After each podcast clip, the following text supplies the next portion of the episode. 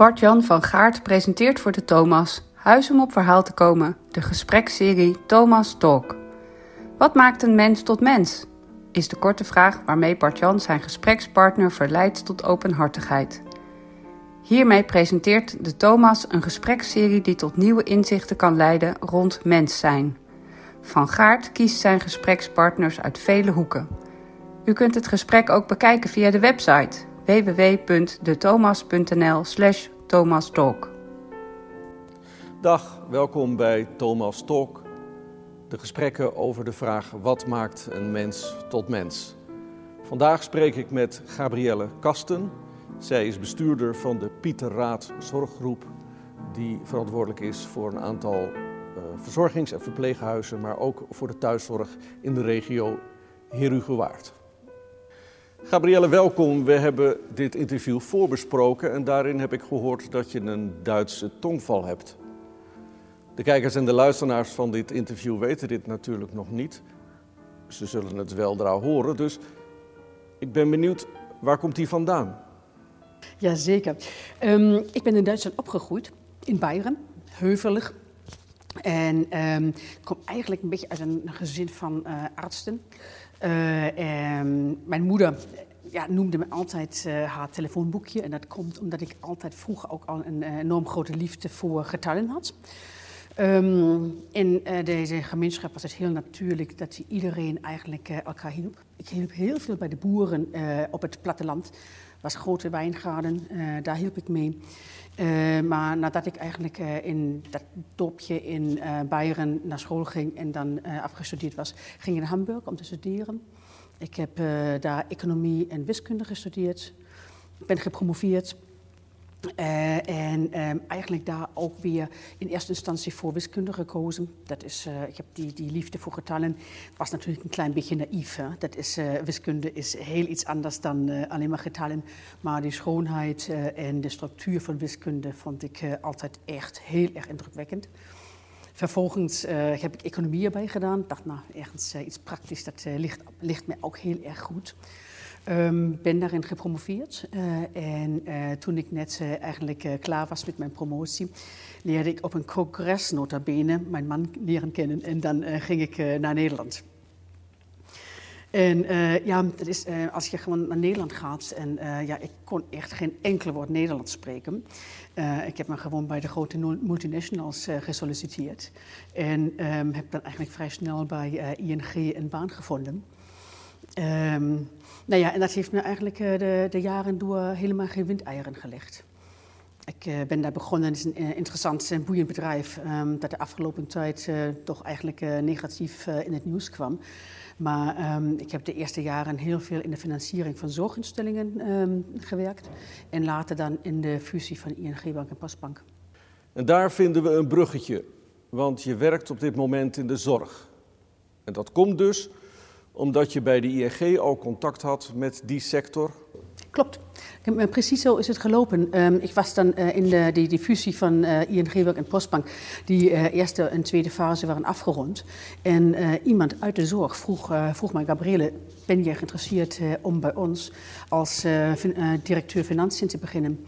En dat was een grote ouderenzorgorganisatie in Amsterdam, Amstelring. -huh. Mhm. um, en uh, heel eerlijk, het had ook net zo goed uh, ziekenhuizen of uh, geestelijke gezondheidszorg kunnen zijn. Een beetje een toeval. Uh, maar het past heel goed bij mij. kwam ik de laatste jaren of de jaren daarna dan achter. achter. En inmiddels werk ik ook al bijna weer twaalf jaar in de ouderenzorg. Maar toen je bij de ING wegging en de zorg inging, wat waren toen je gedachten? Waarom koos je daarvoor en niet voor een carrière verder in het bankwezen? Um, nou ja, um, Eigenlijk voornamelijk bij ING, dat, is, uh, dat, dat werk daar is uh, intellectueel heel uitdagend. Maar um, wat ik voor mezelf heel belangrijk vind, is ook uh, betekenis geven. Um, dat vond ik als kind al belangrijk, ook in mijn jeugd. en dat kon ik bij ING op deze manier niet zo vinden. En de ouderenzorg die sprak me meer aan. En dan heeft het, die ouderenzorg altijd een beetje een stoffig imago, maar dat is eigenlijk helemaal niet zo. Die is enorm in verandering, veel meer nog in verandering dan ziekenhuizen enzovoort. Uh, en daar kon ik eigenlijk uh, het helemaal vinden wat, wat mij trekt. Het is een beetje dat betekenis geven, ergens voor zijn en tegelijkertijd wat ik eigenlijk in mijn studie heb opgebouwd, dat dan ook meenemen. Je vertelt veranderingen in de zorg. Kan mij voorstellen dat je precies ingestroomd bent op een moment dat de zorg in die zin veranderde dat het veel meer financieel en regelgeving gedreven werd. Vanaf verzorgingshuizen, bejaardenhuizen noemden we dat vroeger, waar mensen al vanaf hun 75ste woonden. Hoe heb je die verandering ervaren? Um, ja, dat is precies. Uh, uh, op dat moment ben ik echt ingestroomd. Um, het was al vrij snel duidelijk dat eigenlijk de uh, ouderenzorg zoals die er nu is, met, toen nog met de AWBZ, niet meer houdbaar is. maar hoe dan en hoe verder? Um, en aan deze verandering dan ook vorm te geven, dat, vond ik enorm trekkend. Maar er was ook een andere beweging, namelijk de beweging Wilders, die extra gelden erbij kwamen. Zo dat is een beetje een, ja, dualisme ook in Nederland. Aan de ene kant, als het zo ver gaat, zo verder gaat zoals het nu is met de vergrijzing, dan is het onbetaalbaar. Aan de andere kant ook, uh, wij moeten heel goed voor onze ouderen zorgen. En ja, dat, is ook een beetje, dat heeft ook de mens dan ook verdiend. En wat is jouw positie binnen die twee tegenstellingen? Um, nou, ik ben inmiddels uh, um, al drie jaar ben ik uh, bestuurder um, bij een uh, lokale ouderenzorgorganisatie in Heelgewaard. En dat is best interessant. Dat is een lokale ouderenzorgorganisatie en die wordt echt gedragen door de gemeenschap. En zo kijk ik ook tegen ouderenzorg aan. Ouderenzorg is echt van ons allemaal en voornamelijk ook echt lokale zorg. En Natuurlijk hebben soms kunnen ouderen niet thuis blijven wonen en hebben extra hulp nodig of ook een plek om te wonen. Maar aan de andere kant heeft de gemeenschap en de, de naasten en de ouderen trouwens ook zelf echt een eigen rol, een grote rol erin. En um, wat mij helpt is eigenlijk dat ik toch best veel verstand van bedrijfsvoering heb. En te tegelijkertijd durf ik van mezelf wel te zeggen ook oog voor de medemens.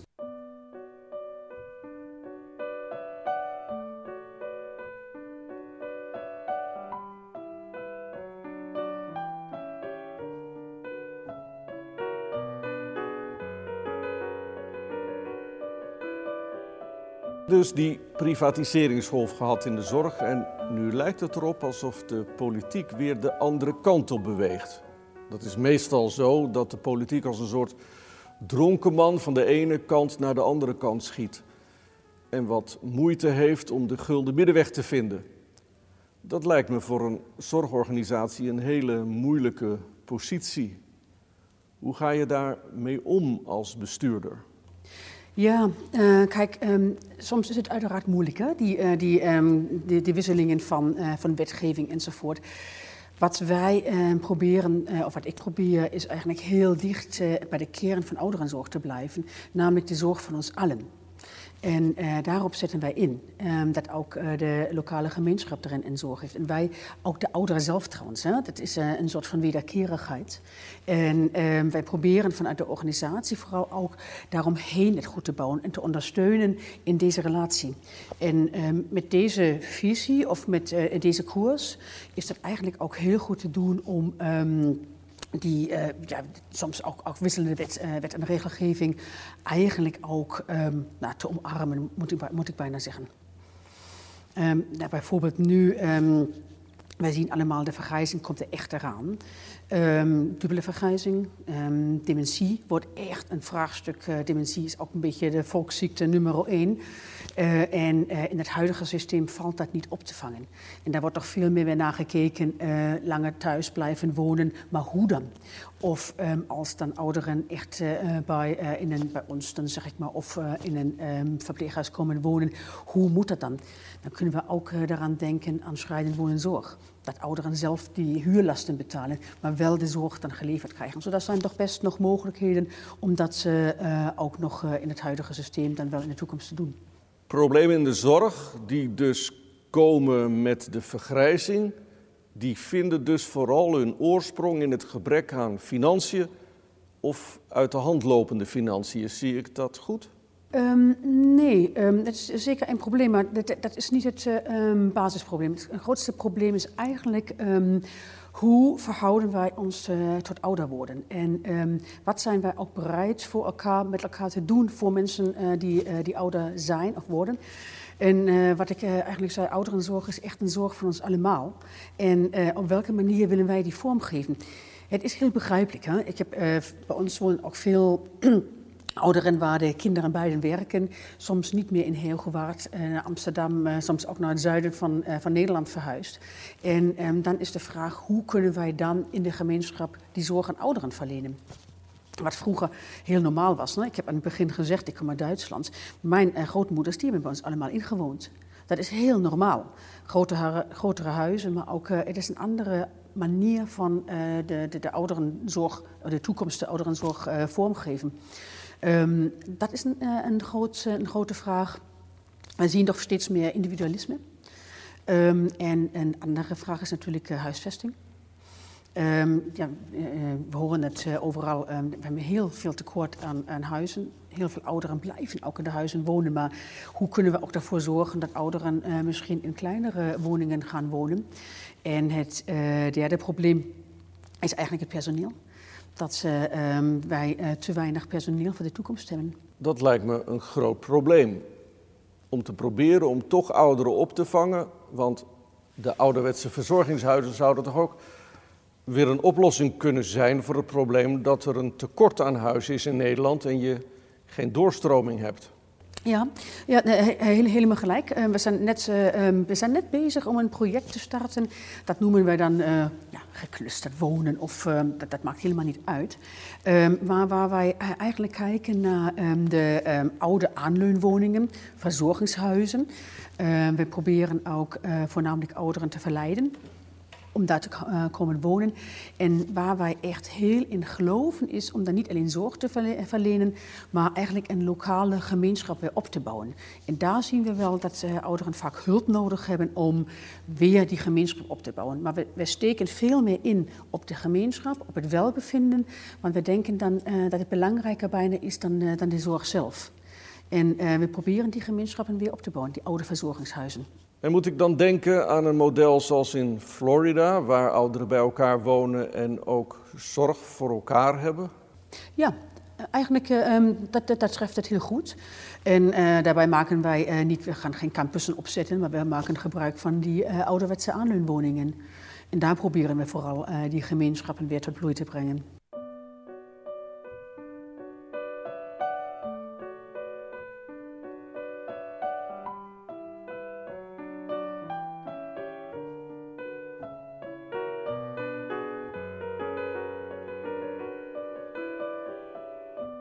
Nu worden we allemaal ouder. Hoe ziet jouw ideale zorgverlening eruit als je zelf oud bent? ja, dat is een, een goede vraag. Um, ik denk dat het meest belangrijke is eigenlijk um, zoveel mogelijk nog uh, in de uh, structuren waar ik daarvoor leefde met mijn familie, met buren enzovoort te blijven wonen. Um, en uh, wat ik denk, wat het meest belangrijke is, is actief te blijven. Te blijven lopen, bewegen. Dat is uh, een van de beste preventieve maatregelen om ook te voorkomen dat, uh, um, ja, dat ik, dat een ander, uh, dat ik dement word. Um, en wat enorm belangrijk is, ontmoetingen. Ontmoetingen, en dat, dat kan natuurlijk in de plaatselijke gemeenschap zijn, dat kunnen hobby's zijn, dat kan de kerk zijn. Maar ontmoetingen onderdeel blijven van de gemeenschap is belangrijk. En ook belangrijk uh, om um, een soort van zingeving te hebben, ook voor anderen van betekenis zijn. Ik zie dat dat eigenlijk, um, als ik kijk naar mensen die ik in mijn omgeving heb dagelijks, als, ik, als mensen iets voor een ander kunnen betekenen, dan is dat proces van ouder worden, van eenzaamheid, wat natuurlijk echt een heel groot probleem is in Nederland, dat is een stuk minder. En is dat dan eenzaamheid die ouderen zichzelf aandoen, omdat ze niet actief geworden zijn of gebleven zijn? Het, zeker, dat, dat, speelt zeker een rol. Um, als we nu naar ouderen kijken, eenzaamheid uh, loopt er op ja, vaak boven de 50, uh, 75 procent. Wat enorm groot is, enorm veel. Maar ja, we moeten ook niet vergeten. Ik heb net um, afgelopen week is bij mij in het ver, verpleeghuis een man overleden. Die was 103 jaar. Zijn vrouw is vorig jaar overleden, 102. En uh, ook om die familie heen is ook iedereen overleden. Het is niet zo makkelijk om helemaal nog actief te blijven als uh, al die structuren, uh, kennissen, vrienden eigenlijk allemaal overlijden. En daar zie ik vaak dat ouderen hulp nodig hebben om die gemeenschap, die, dat betekenis blijven, van betekenis blijven, om dat te houden. En pleit dat dan niet wederom toch voor het ouderwetse verzorgingshuis waar mensen elkaar ontmoeten als ze eten, als ze koffie drinken, bij het recreatieve aanbod, waardoor ze niet vereenzamen? Ja, um, ik zie ook dat uh, er zijn natuurlijk ook best uh, veel ouderen die dat thuis ook op deze manier doen. Die ook thuis niet uh, vereenzamen, die thuis een netwerk hebben. Maar de kloof tussen thuis wonen en dan ook meteen het verpleeghuis, waar, eigenlijk, waar iedereen dan nog maar tegenwoordig uh, negen maanden woont, die is heel erg groot. En zeker dan uh, Amsterdam, hè, uh, je woont alleen vier hoog achter, je komt de trap niet meer naar beneden. Um, dat, dat probleem is gewoon groot. En dan, daarvoor plei, ja, mijn, mijn pleidooi is echt, kom weer wonen in die aanleunwoningen, in die die campus, hoe je het wilt noemen, maar om ook weer te kunnen participeren aan de gemeenschap. Nu is de vraag van deze serie gesprekken: wat maakt een mens tot mens? Wat maakt een oudere tot mens? Um, nog steeds, um, er zit natuurlijk heel veel waarde in ouderen. Hè? Dat is, uh, um, ik vind uh, vaak die uh, gesprekken die ik voer, dat is ook een beetje waarom ik eigenlijk zelf zeg, ouderenzorg was voor mij een hele goede keuze. Dat is dat verbindenis aangaan met de, de oudere medemens. En die gesprekken, die herinneringen, die, schat aan waarde die ouderen ook uh, kunnen doorgeven. Dat vind ik wel wat uh, de mens tot mens maakt. Namelijk um, dat uh, als mensen geven wij iets door. Wij ontwikkelen verder. En daarin heeft de oudere mens, vind ik persoonlijk, een hele belangrijke rol. Maar spelen ze die rol ook ten volle? Nee. als u mij vraagt, nee. Um, ik, had, um, ik geef maar een, klein voorbeeld. Ik had uh, onlangs, een, um, ik, stond toevallig beneden in, in, de hal. en uh, een vrouw kwam bij ons wonen, in huizen noemen we dat dan, maar ze kwam bij ons wonen. En die dochter had het heel zwaar, heel moeilijk om haar moeder los te laten. Speelt ook vaak een probleem van schuld, van moeder gaat nu hier wonen. en ze ging voor haar moeder knieën en zei, moeder, gaat u hier wonen, gaat u voor hiervan genieten. Moeder, u heeft het verdiend. en dan zit daar zoiets in van, um, u hoeft niks meer te doen. Ze zei ook nog, u heeft uw hele leven zwaar gewerkt, laat u zich hier verzorgen. En ik denk, wacht, mevrouw woont hier, mevrouw leeft hier. Ook zij heeft ook een leven verder. En dat is anders dan thuis. Maar wel, ze blijft leven en ze, heeft ook nog, ze kan ook nog betekenis geven aan een ander. En dat zie ik heel vaak um, in het beeld uh, wat uh, vaak is. is um, u komt dan hier wonen, u heeft een, he een, heel leven lang hard gewerkt. Dus u kunt nu terugleunen en uh, u hoeft niks meer te doen, u wordt verzorgd. En dat is eigenlijk heel eerlijk funest om, ouder, om ouder te worden. En hoe zouden we dat potentieel, dat ouderen dus kennelijk kunnen bieden aan de maatschappij, effectief kunnen inzetten?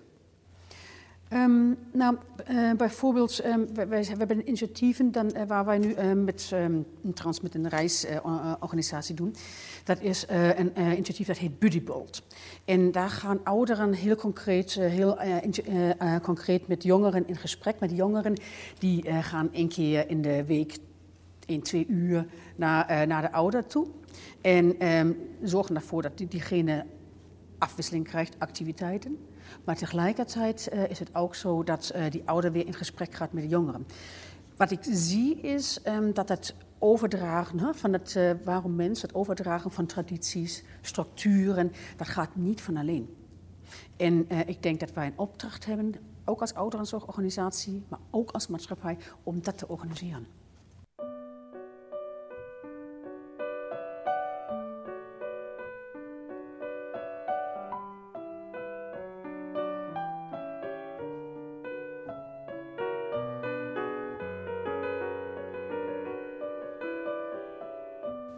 Te midden van al die veranderingen in de zorg gebeurde vorig jaar iets enorms.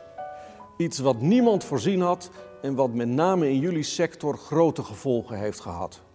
COVID-19, corona. Wat gebeurde er? Nou, ik kan het eigenlijk uh, um, bijna als de dag van gisteren herinneren. Het was uh, Pasen. En uh, de verzorgingshuizen, verpleeghuizen, die waren dan net um, twee weken dicht.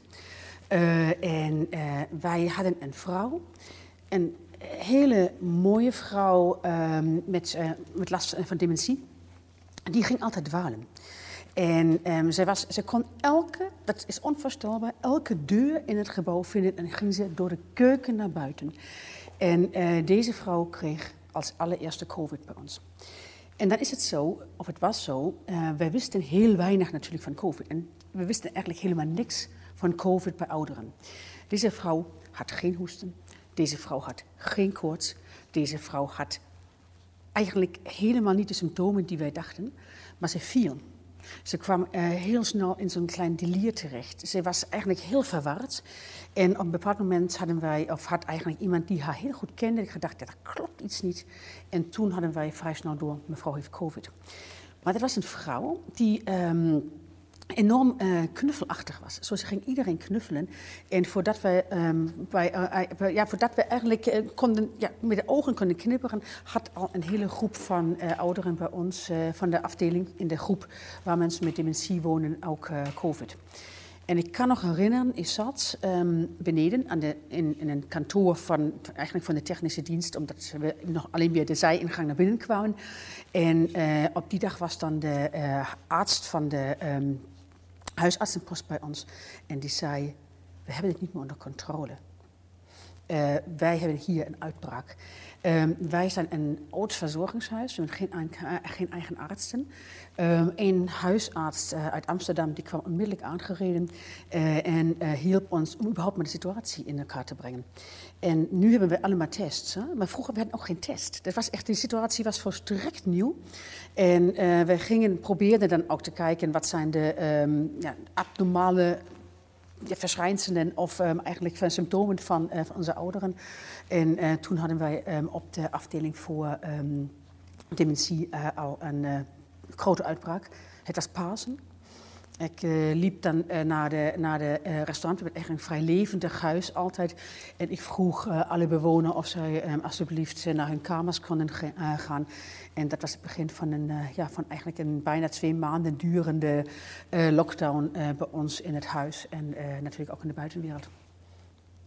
Nu ben je ruim een jaar verder.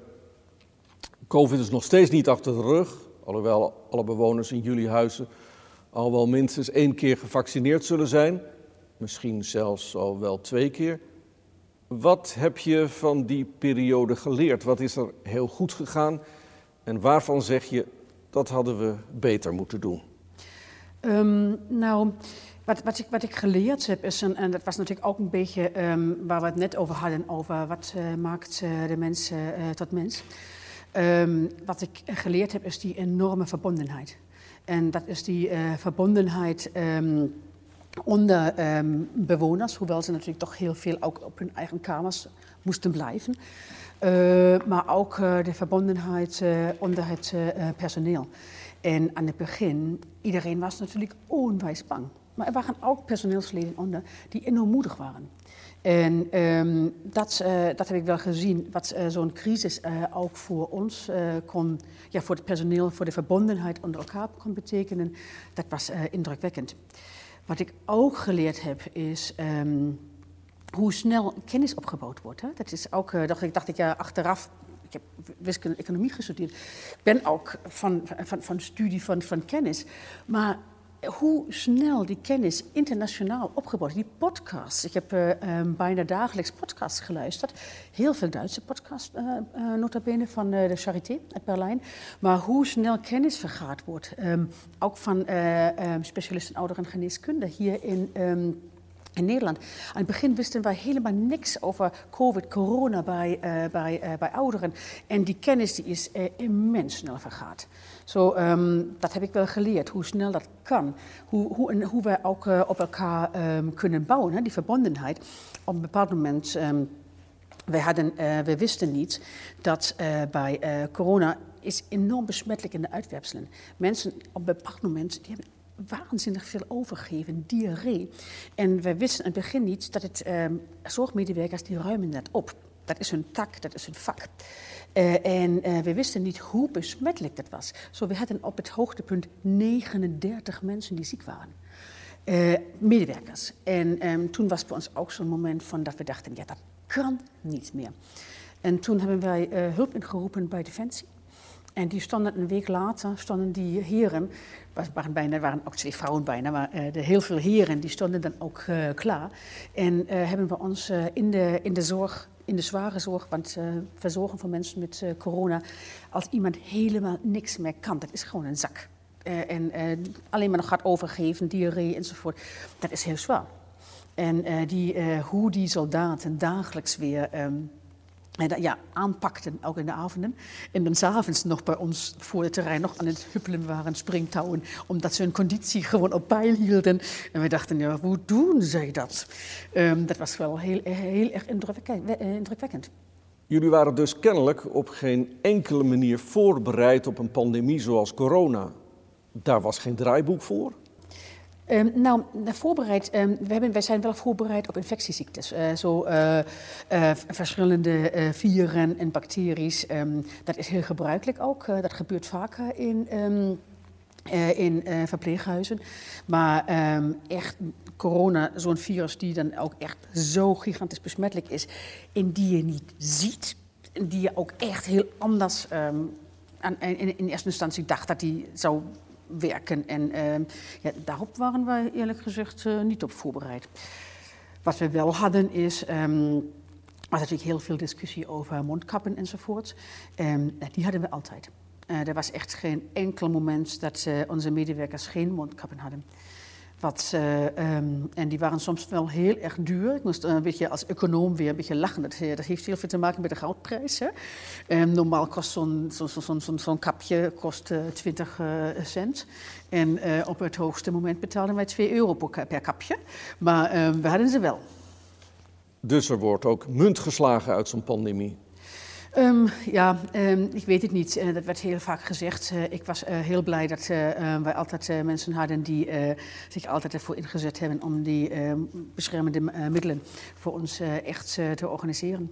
Nu heeft COVID natuurlijk ook grote sociale veranderingen gebracht in jullie huizen en ook in de thuiszorg waarschijnlijk.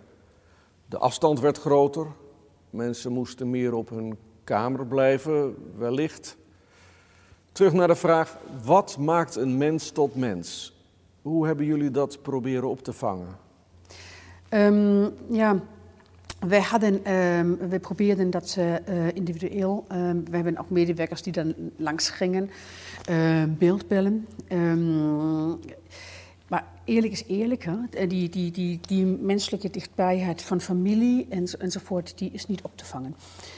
En ik kan nog heel goed herinneren, uh, toen wij twee maanden nadat uh, alle deuren bij ons ook weer open gingen.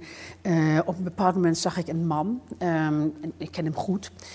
en hij kwam uit zijn kamer en ik dacht, is dat nog die man die ik twee maanden eerder had gezien? Ik was, ik was eigenlijk, van binnen was ik in shock wat uh, isolatie uh, voor uh, mensen, wat, wat, het doet met mensen die daarvoor eigenlijk nog best goed liepen. En dat was eigenlijk het allergrootste probleem. Um, mensen die blijven op de kamer, maar op een bepaald moment krijgen ze dikke benen. en dat lopen, dat is zo belangrijk. En dat kon dan een hele tijd niet meer. En ik zag die man. Ik dacht, ja, is, is, dat, is, is, is, is dat hem? En, uh, en, hij is inmiddels weer enigszins hersteld, maar sindsdien is hij eigenlijk, hij loopt met, nu met rolstoel, maar daarvoor liep hij nog altijd met een rollator. Niet, niet makkelijk, maar um, hij liep. En um, dat vond ik wel echt, echt schokkend. Uh, dat vond ik echt shocking. En dat zou ik, um, als ik iets heb geleerd, dan zou ik dat op deze manier niet meer doen. Dan, dat uh, wij dicht waren voor bezoek en familie. Dat was ook niet fijn, maar um, dat uh, onze uh, bewoners grotendeels echt op hun kamers bleven. Uh, dat zou ik anders doen. Maar we wisten ook niet hoe die besmetting was, hoe die transmissie ging. Dat wisten we natuurlijk ook niet aan het begin. Maar dat zou ik zeker niet meer zo doen. Dat was ook eigenlijk mijn volgende vraag. Is het het waard geweest om die maatregelen te nemen of had je meer risico's kunnen nemen opdat de ouderen toch nog een zekere mate van prettig leven hadden gehad, waarbij het leven misschien korter was geweest. Nou ja, dat is een moeilijke keuze, lijkt me.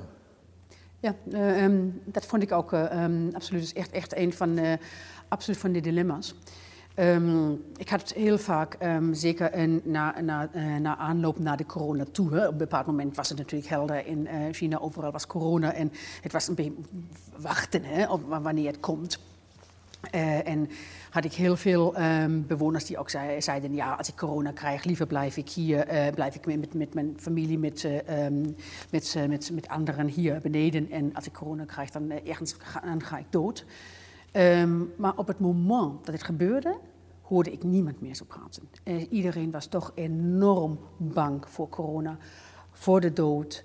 Um, en um, dan, wat ik dan zelf onmenselijk vond, is uh, dan, um, dat we in eerste instantie dicht waren, natuurlijk voor familie, voor bezoek. Bij ons is niemand, om dat maar duidelijk te zeggen, in eenzaamheid gestorven. Wel eenzaam in die zin naar aanloop toe. En uh, vaak is dan bezoek pas in de laatste twee weken van het uh, leven ook toegestaan. Bij ons kon iedereen bezoek ontvangen. Maar het is natuurlijk wat uh, als iemand dan al COVID heeft en op bed ligt. En dan komt de zoon, de dochter, helemaal vermomd met de bril, met dat, dat, is, dat, dat doet iets. En die, met kapje en, nou ja, en dan met handschoenen. En we hebben dan toch vaak ook gezegd, trek de handschoenen uit. Ga in ieder geval nog die, die, die, die, die, die, nabijheid, dat aanraken, maakt dat mogelijk.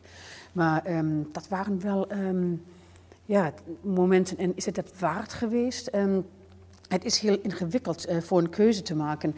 Uh, in een gemeenschap. Uh, zo'n, um, wat ik heel vaak hoorde, ouderen in zo'n verpleeghuis, in zo'n Als iemand in de groep woont, dan hoorde ik heel vaak, um, ja, die, die wonen als een rat in de val. Um, dat zien we nu ook alweer bij de asielcentra. Uh, Als mensen heel dicht bij elkaar wonen en niet weg kunnen, dan is de gevaar op besmetting natuurlijk heel groot. Dat weten we, dat zien we nu ook als uh, de jeugd uh, nu bijvoorbeeld ergens een feest viert. De kans op besmetting dichtbij is gewoon groot. En um, zeker dan als je dan blijft wonen en niet weg kan, nou, dat is altijd het afwegen. Hè? En, maar ik vind moeilijk, altijd die beslissing, vond ik ook echt altijd een van de moeilijkste beslissingen waar weegt de, dat individu individu op de gemeenschap.